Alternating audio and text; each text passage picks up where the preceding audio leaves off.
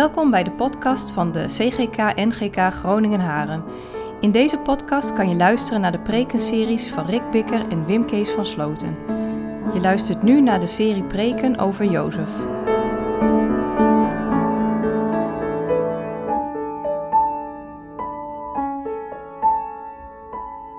Genesis 46, vers 1 tot 7 en 28 tot 34.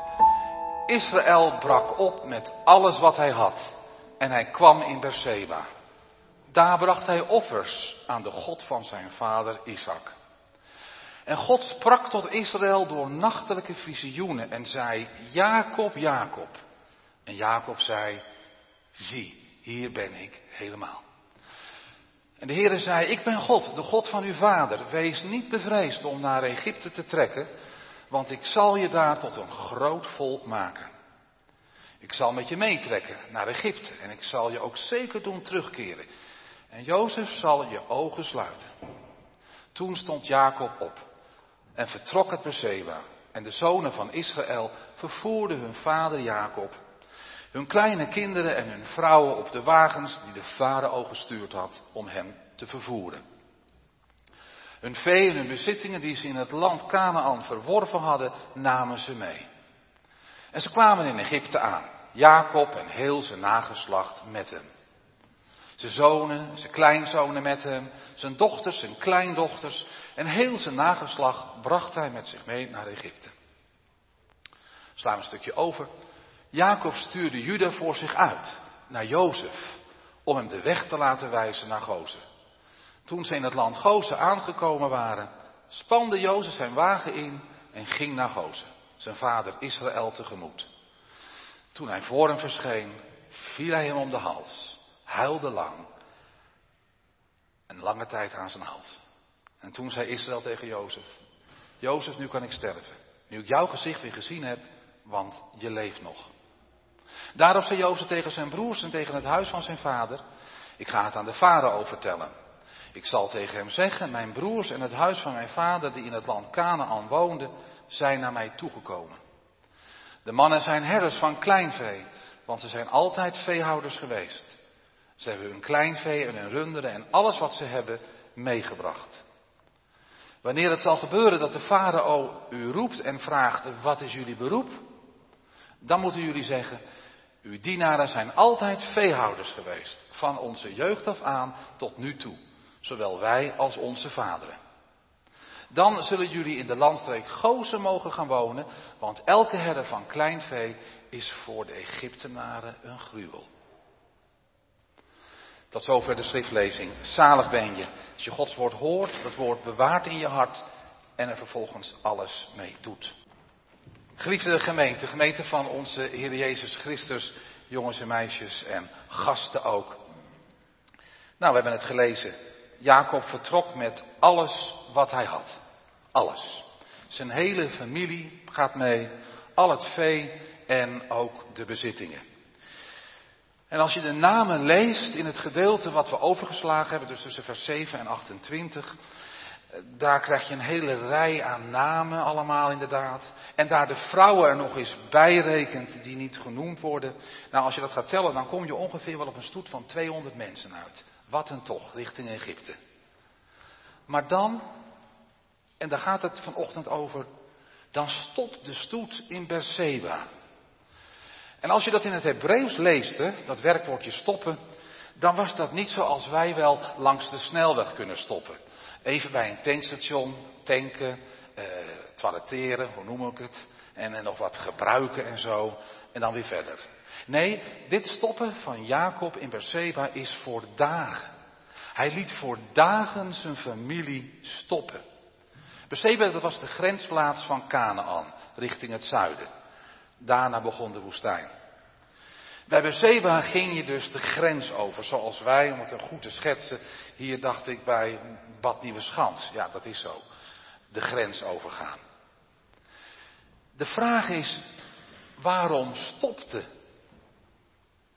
Jacob nou zo uitgebreid op de grens?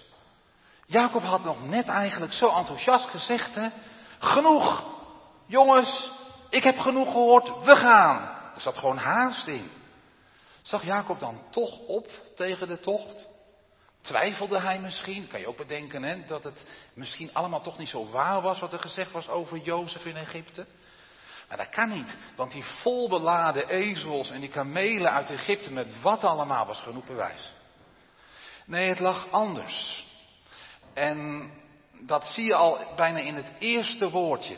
Is het je opgevallen dat Jacob plotseling in dat eerste vers genoemd wordt bij zijn geloofsnaam, eigenlijk zijn beleidenisnaam? Israël. Weet je, ik zal je kort vertellen, die naam had hij gekregen op Pniel. Wat dat is, noem maar een beetje een gebied, een beetje een heuvelgebied. En dat was in een tijd dat Jacob, eh, nou ja, bedreigd werd, eh, angstig was voor Esau en beslissingen moest nemen hoe hij het allemaal moest regelen en doen om dat maar weer goed ook te kunnen krijgen met Esau. Esau kwam eraan en hoe zou dat gaan lopen?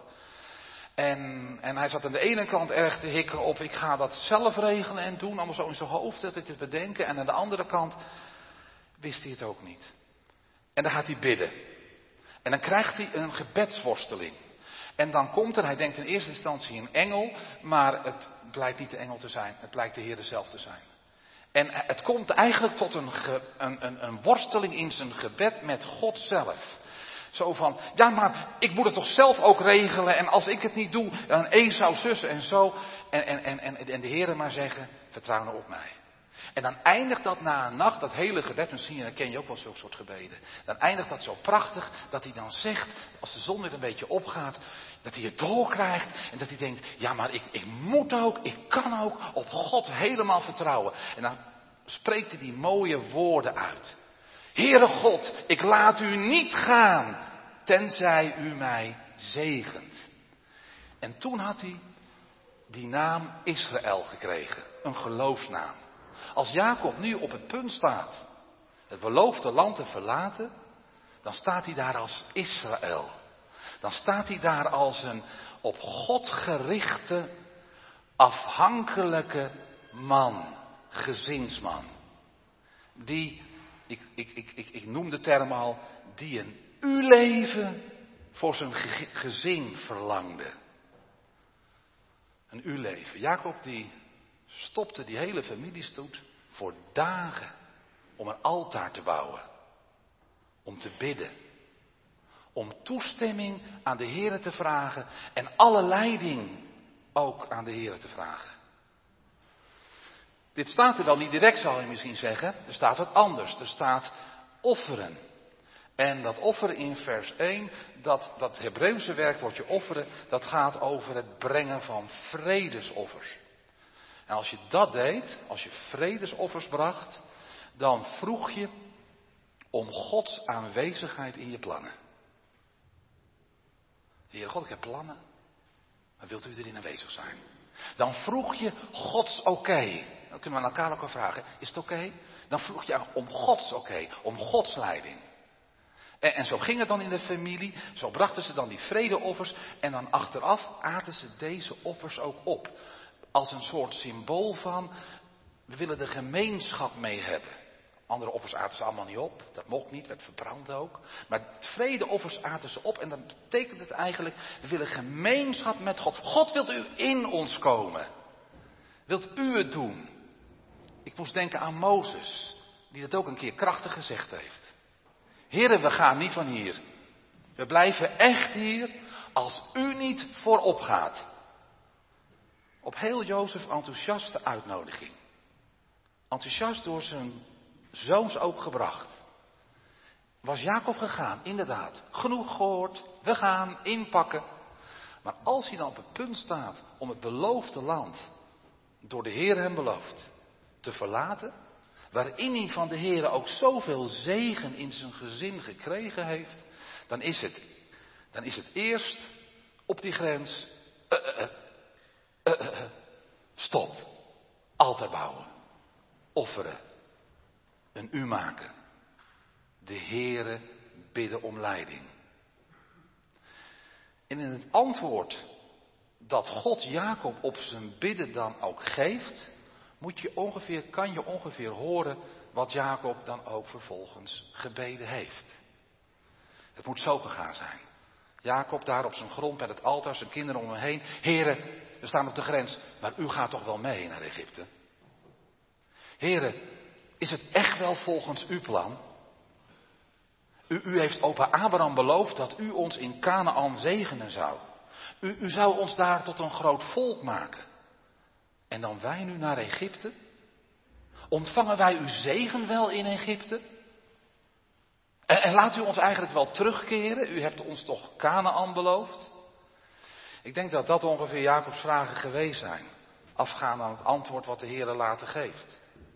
Ging Jacob, hè, nog, nog een keer, op het enthousiasme van zijn kinderen.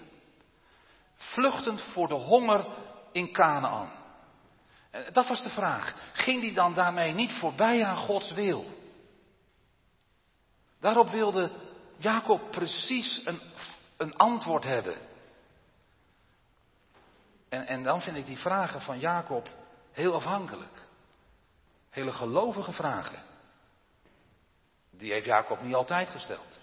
Jacob is eerder die grens overgegaan. En toen was hij, was hij niet gestopt. Was hij gewoon doorgegaan. Had hij niet gevraagd om goedkeuring. En, Jacob, hij heeft in heel zijn leven ook heel vaak zelf de, de route uitgezet. En, en, en niet aan God gevraagd. En, en dan moet Jacob het ook bekennen hoeveel moeite en geen zegen heeft dat hem ook opgeleverd. Bijvoorbeeld nog in onze geschiedenis, hè? toen Jozef die droom kreeg, die 17-jarige jongen van hem. Ja, toen lees je wel over hem dat Jacob die droom bewaarde in zijn hart. Maar je leest nergens dat, dat, dat Jacob God er ook bij gebeden heeft. Zo van, heren, maar wat betekent die droom nou eigenlijk? Heeft het ons iets te zeggen? Wilt u er ons iets mee zeggen? En ook toen zijn zoons nog niet zo lang geleden terugkwamen voor de eerste keer uit Egypte en vroegen of Benjamin mee mocht, dan lees je niet dat Jacob zijn handen vouwt. Zijn handen vouwt om leiding te vragen, lees je helemaal niet. Dan, dan zie je alleen maar een klagende Jacob. Een klagende Jacob zegt, alles is tegen mij, ik weet het niet meer. En vervolgens, als dan Juda eh, zich borg stelde voor Benjamin, dan zie je dat er bij Jacob iets gaat breken. Dat is iets geweldigs geweest. Jacob heeft iets gezien van, hé, hey, hey, mijn zoon stelt zich borg, wat is dat? Die stelt zich afhankelijk op, hoe is het gegaan? En vervolgens, dat heeft ook iets met Jacob gedaan. Afhankelijkheid richting God kwam terug.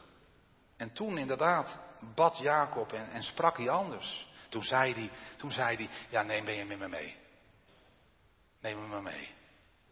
Dat de God, de Almachtige, barmhartigheid in de ogen van die onderkoning daar in Egypte geeft. En we weten het, wat is er een zegen opgekomen. Bij die meer dan pitstop in Beersheba zie ik een man, en ik kan er eigenlijk zelf al naast staan, kom er nog op terug, misschien jij ook wel, die in zijn leven geleerd heeft een u te maken. Op, op levenskruispunten in zijn leven niet eventjes snel te stoppen, maar uitgebreid te stoppen. Om te bidden, de tijd ervoor te nemen. Om, om, met je gezin van de situatie een gebedsplaats te maken. Wacht hij op zijn zoon Jozef? Heeft hij hem al wel dertien jaar niet gezien? Al die jaren denken dat Jozef is opgegeten door een wild dier. En, en wat een aanbieding van koren lag hem te wachten in Egypte. Terwijl zijn hele familie aan het omkomen is. Ik had ook wel zoiets van doorrijden met heel die, heel die hap. Even tanken, broodje, plassen, rijden met die hap. Dat, dat doet hij niet. Heren, wat wilt u? Dat vraagt hij. Gaat u voorop, anders gaan we niet. Kunnen we nog zo'n honger hebben? En wat allemaal? Voelt u de spanning een beetje? En dan is gelijk de vraag naar jullie. Op hoeveel grensplaatsen komen jullie nog te staan? Over hoeveel ga je nog heen? Hoeveel beslissingen mag jij, mag u, moet je nog maken? Wat zal ik opnoemen? Verkering met hem of haar of niet? Trouwen of niet? Verhuizen of niet? Die studie of een andere? die baan of toch maar niet. Je bent gebeld, taak in de kerk, ambt in de kerk. Kerkraad heeft ervoor gebeden. Vind je geschikt? Wil het met je bepraten? Ja of nee? Je kinderen dingen voorleggen en bespreken die belangrijk zijn? Daarheen gaan of daarheen niet heen gaan? Dat of dit? Zo of niet? Noem het op. Hoe afhankelijk wil jij er van God in zijn? Ik, ik, ik zeg niet bent, maar ik zeg hoe, hoe, hoe afhankelijk wil jij? Dus een, Jacob maakt hier een keuze. Hij had nog een keer had door kunnen gaan. Hij maakt een keuze. Voor jou is het ook zo. Hoe afhankelijk wil jij dat, hoe afhankelijk wil jij te zijn voor God in je beslissingen? Heb je beslissingen te nemen? Doe je, neem je ze vaak van de week en zo? Wat we doen, nou we doen, we gaan, nou zullen we dit. Is er dan een u erbij? Weet je, ik ga het praktisch maken. Wat dat vooral eerst is, bidden. Bidden. Komt er dan altijd concreet een antwoord uit de hemel? Nee. Maar ik wil je zeggen, als je je oefent in een gebedsleven, op je gebedsplaatsen, op je levenskruispunten, dan komt er meer van boven dan je denken kan. Probeer het maar eens uit. Probeer het maar eens gelovig uit. Want weet je, van geloven ga je bidden. En van bidden ga je geloven. Met geduld. Jacob bouwde in Berseba een altaar. Stelde ze gebedsvragen. Dat is het eerste punt wat ik met jullie gemaakt heb. Hij ging bidden.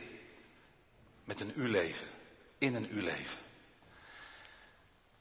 En dan vervolgens zie je dat God gaat antwoorden. God komt in vers 3 en 4. In visioenen in de nacht. En Jacob, ik denk dat hij rechtop in zijn bed is gaan zitten.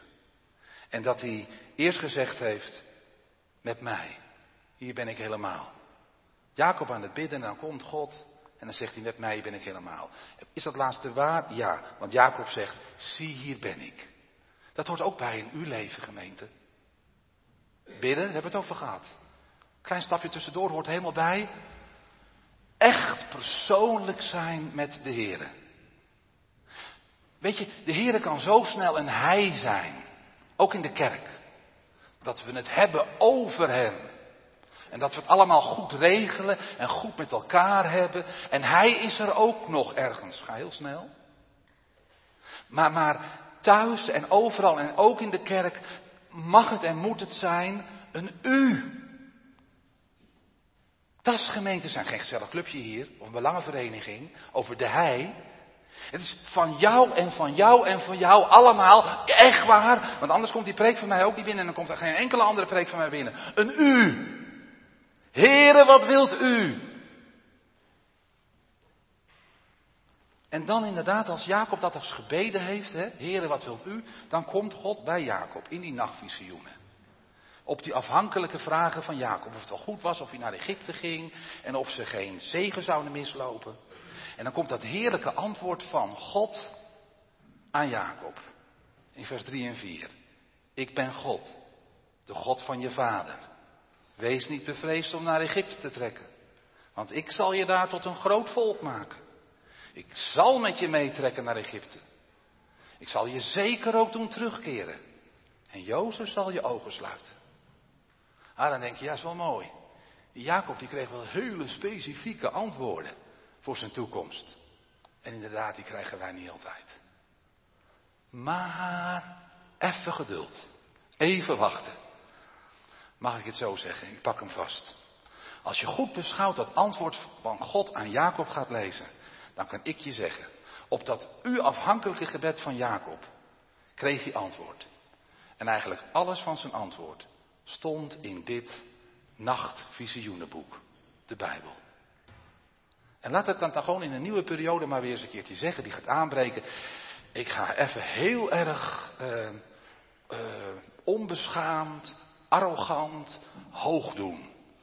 mag ik het zo zeggen. Ik garandeer je, echt waar, hè, dat het allerbelangrijkste wat jij op je levenskruispunten mag horen, op je u afhankelijk gebed, wat je ook bidt, hoe specifiek ook, zo van heren, wat, hoe wilt u, in de basic in dit boek krijgen. Gods telefoonboek. Hierin vertelt namelijk, mensen, zo is het. God zijn goede wil. Hoe belangrijk is die? Wat wilt u, heren? Hierin vertelt hij zijn wil voor jou. Oh, dat is zo mooi en zo goed. Heb je alles al. En hierin belooft hij dat hij zijn wil in jouw leven wil uitvoeren. Weet je wat ik hier zie van Jacob op die grensplaats Berseba?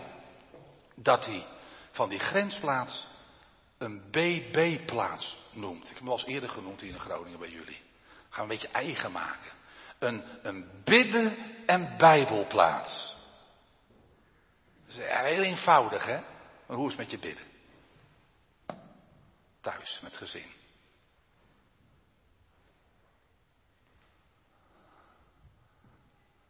Vrouw en man met elkaar, voor het slapen gaan, eh, eten, tussendoor, Bijbel lezen, zeven dagen in de week.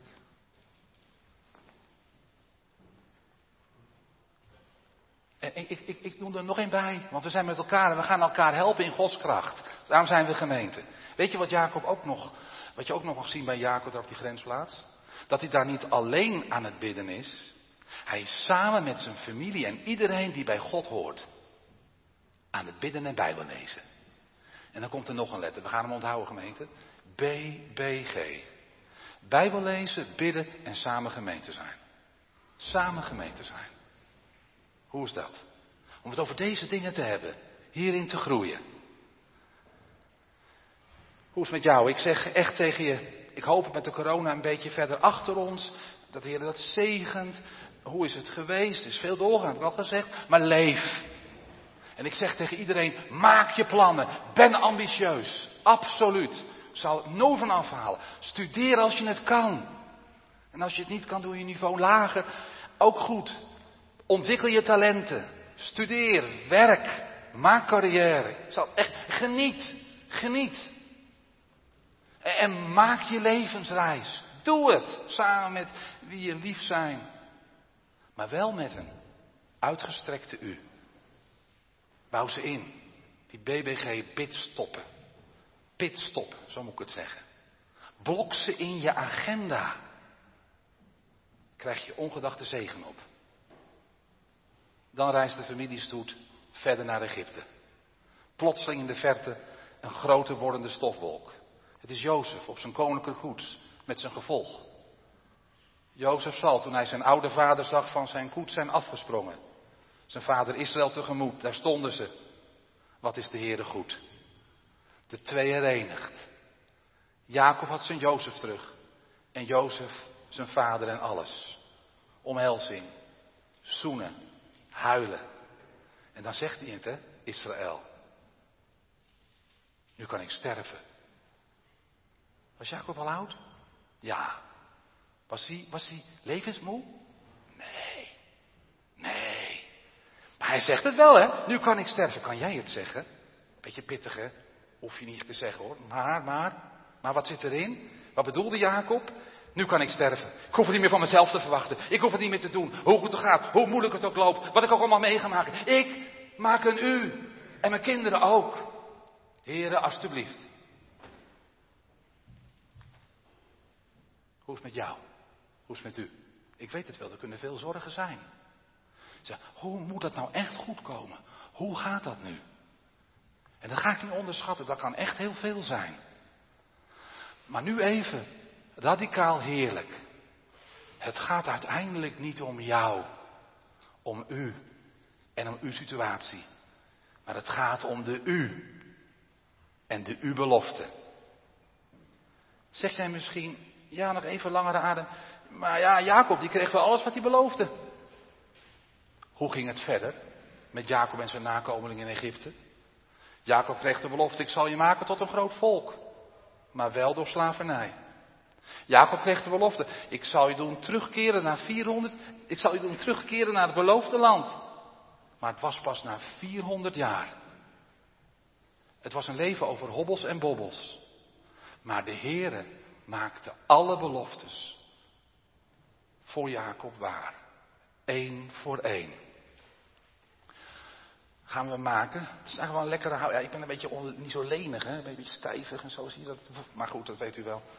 Maar ik, ik, ik, ik, wil het eigenlijk nog beter doen. Want het is zo heerlijk. Eigenlijk moet je het zometeen allemaal doen. Gewoon thuis ook, deze houding. Een uur maken met je kinderen. Doe het je kinderen voor. Een uur maken.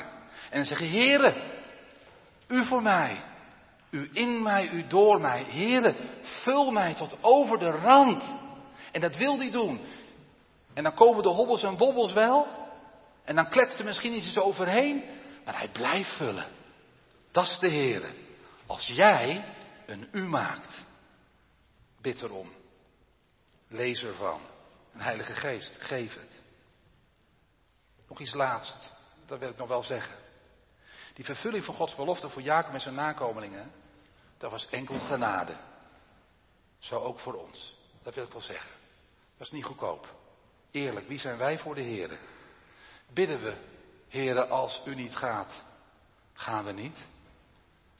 Is het ook onze praktijk niet dat we zeggen, ook al gaat u niet, ik ga toch? Nou, dan hebben we nog iets anders nodig. Die grote Jozef. Door die kleine Jozef zorgde de Heer dat Jacobs nakomelingen niet van honger zijn omgekomen. Geen één. Maar dat eens dus de grote Jozef geboren kan worden.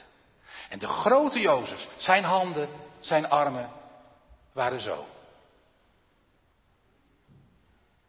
Wat bedoel ik nu? Wie kan het me zeggen? Aan dat houtkruis. Genageld, doorboord.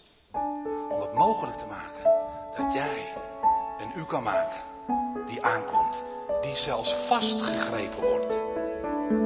Heerlijke. Ik wens het je toe. Samen. Gaan bidden en zingen met een u. Amen.